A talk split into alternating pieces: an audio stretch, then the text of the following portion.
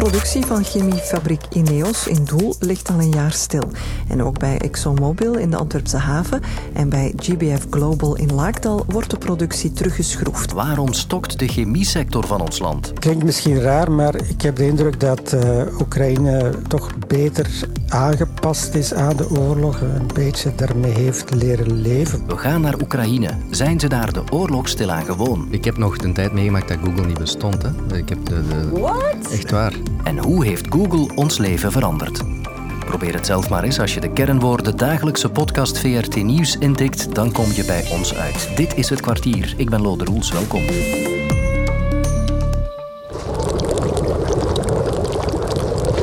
Knetters, rookwalmen, geborrel. Dit is chemie. Maar nu wil ik het hebben over de chemie. Een van de meest belangrijke sectoren van ons land. Goed voor 99.799 jobs, jaarlijks 87,9 miljard euro omzet en een derde van al onze export.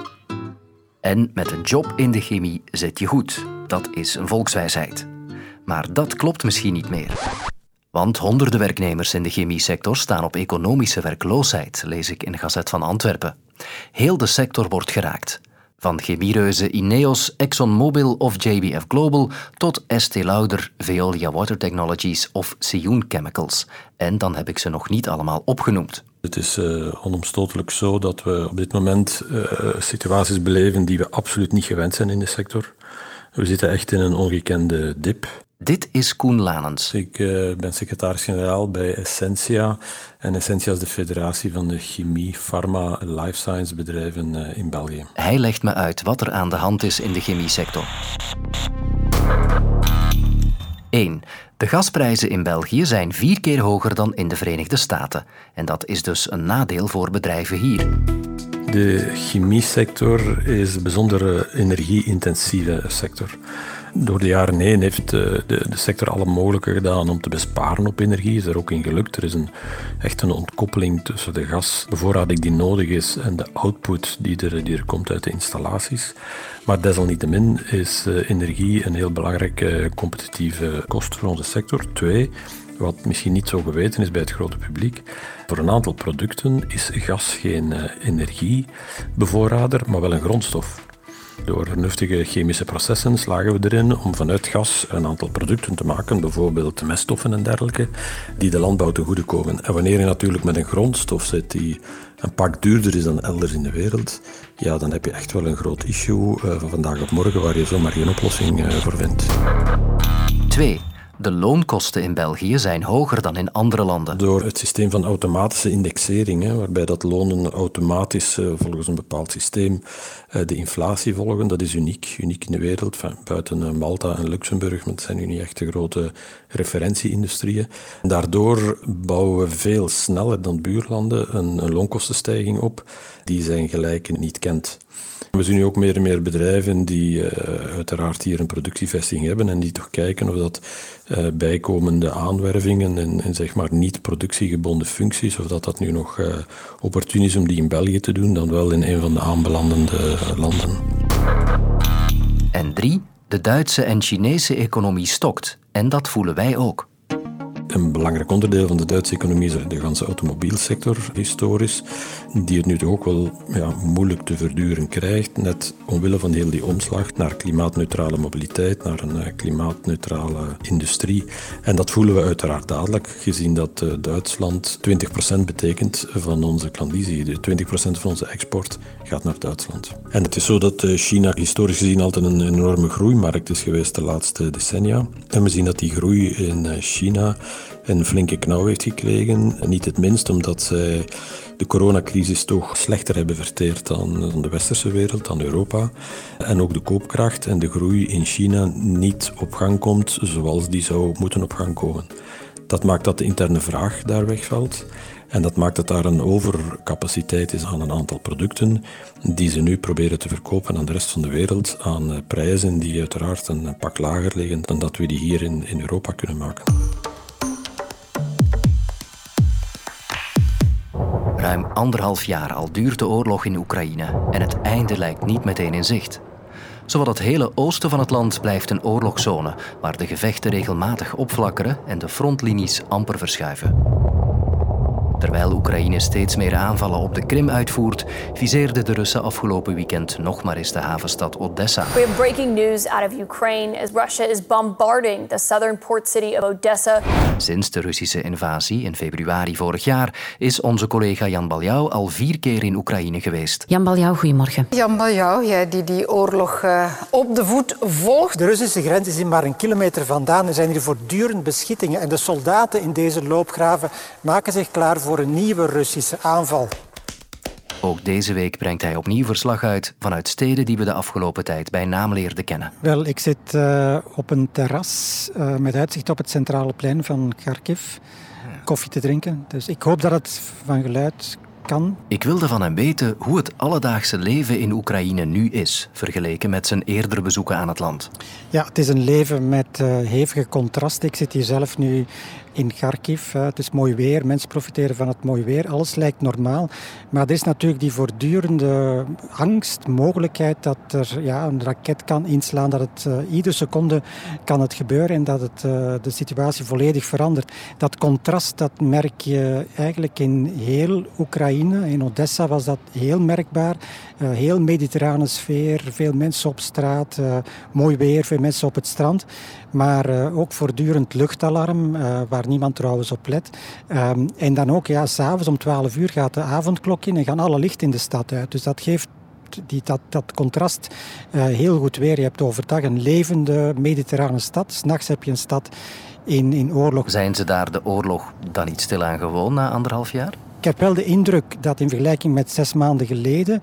Ja, het leven in Oekraïne laten we zeggen, ja, normaler tussen aanhalingstekens is geworden. Dat Oekraïne zich beter heeft aangepast aan de oorlogsomstandigheden. Uh, in februari waren er nog problemen met stroomvoorziening. Uh, de lichten hier in Kharkiv waren, voor, waren s'nachts niet aan. je moest zelf je weg zoeken met, met het lampje van, van, van je iPhone.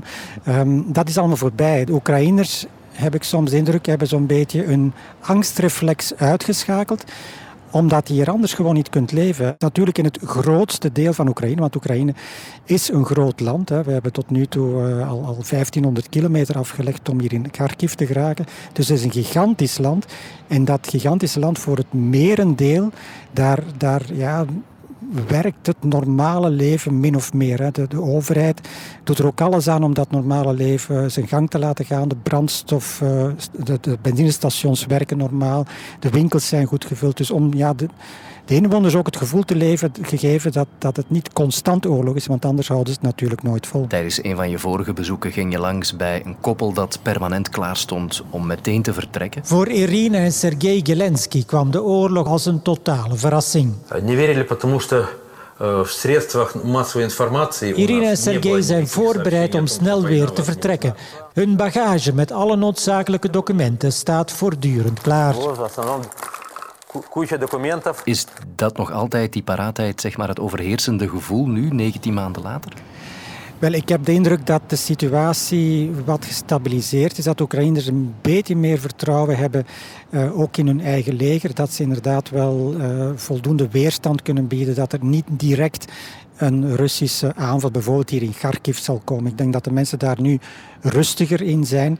De dreiging die er nu is, dat is de dreiging van die beschittingen die je voortdurend hebt um, en die, zich, ja, die, die, die kunnen uh, plaatsvinden in heel Oekraïne. Natuurlijk, uh, steden zoals Odessa worden zwaar geraakt vanwege de haveninfrastructuur, maar ook andere steden, andere plaatsen, daar kunnen op ieder moment raketten of drones neerkomen. Is die eenheid en die vastberadenheid van de eerste maanden of dat eerste jaar er nog altijd? Ja, die indruk heb ik wel. Um, er is nog altijd een grote vastberadenheid. Bijvoorbeeld in Nikopol hebben we gesproken met een, een man die, uh, ja, waar net een, een, een, artilleriegranaat was ingeslagen in zijn huis. Die was volop bezig om zijn uh, uh, dak te herstellen. Eigenlijk is het eigenlijk bijna zinloos om het te herstellen, want het kan ieder moment terug gebeuren. Maar toch doen ze het.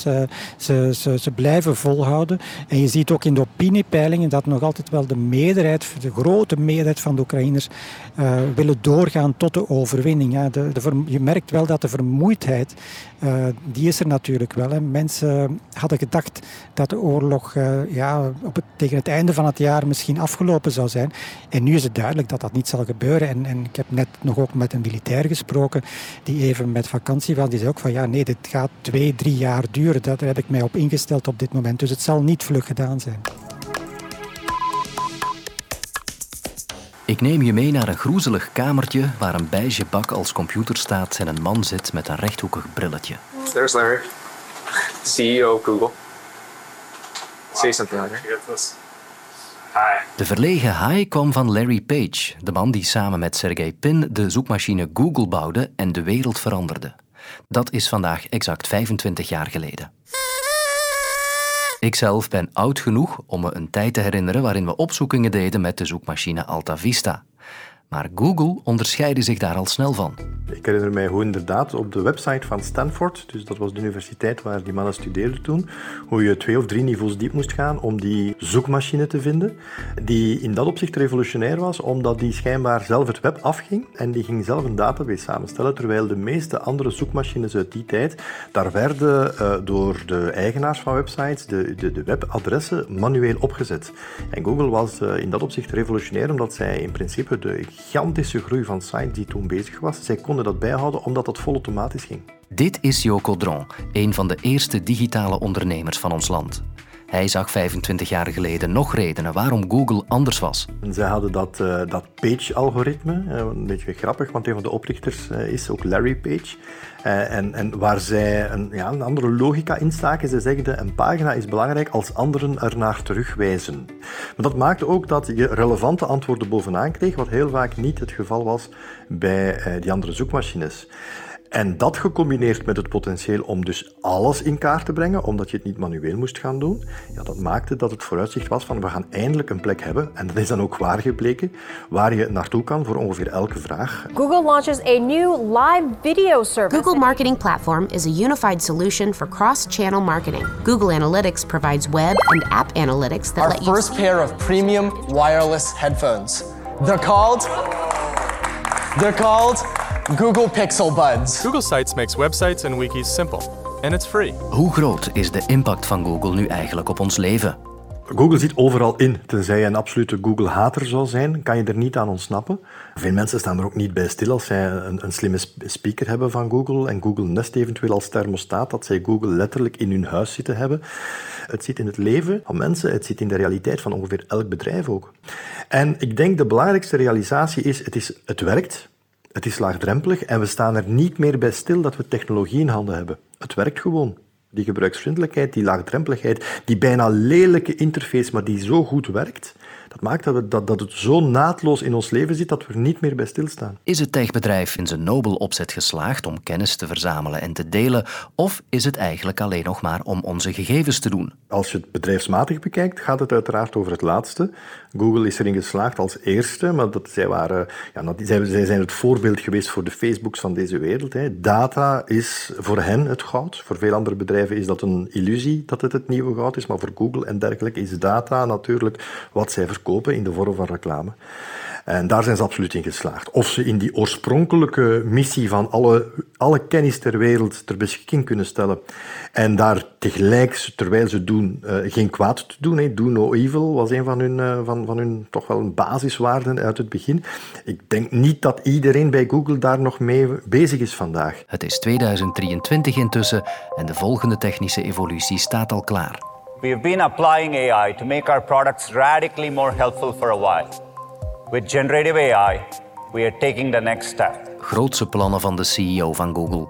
Maar zal het bedrijf ook na de komst van artificiële intelligentie relevant blijven? Effectief 25 jaar na hun ontstaan is het de zoekmachine die volgens mij terug onder druk komt te staan, omdat hoe we vandaag met inhoud omgaan en met kennis, wordt door AI veranderd. We, gaan dingen vragen, we gaan dialogeren met een omgeving die heel menselijk lijkt, die uiteraard een machine is, en die ons antwoorden gaat geven op de vragen die we stellen. Dan is het hele model van, je hebt al die flarden, je hebt een webpagina met allemaal links en daar plaats je dan reclame tussen. Ze gaan dat moeten heruitvinden. Vandaag zeggen ze, ja, onze zoek gaat alleen maar beter worden door AI, maar wat als mensen morgen niet zoeken? Dus ik denk wel dat bij Google dat er enige nervositeit is op dit moment, omdat de hele notie van wat is zoeken nog in vraag wordt gesteld. Maar dat is maar één aspect van wie ze zijn en wat ze doen, wel het belangrijkste. Uh, en natuurlijk, die reclameinkomsten zijn fundamenteel, dus dat is een groot vraagteken. Daarnaast doen ze uiteraard heel wat andere dingen waar ze AI wel degelijk gaan kunnen gebruiken om die andere diensten veel beter te maken. De antwoorden op de drie vragen die we aan het begin van het kwartier stelden, die heb je hopelijk gekregen nu, zonder de hulp van Google. Morgen doen we dat nog eens over. Tot dan. Mee met de actualiteit? Duik dan nu de geschiedenis in met de podcast De Franse Revolutie. Johan Op de Beek neemt je mee naar de Brabantse omwenteling. Nu in de app van VRT Max.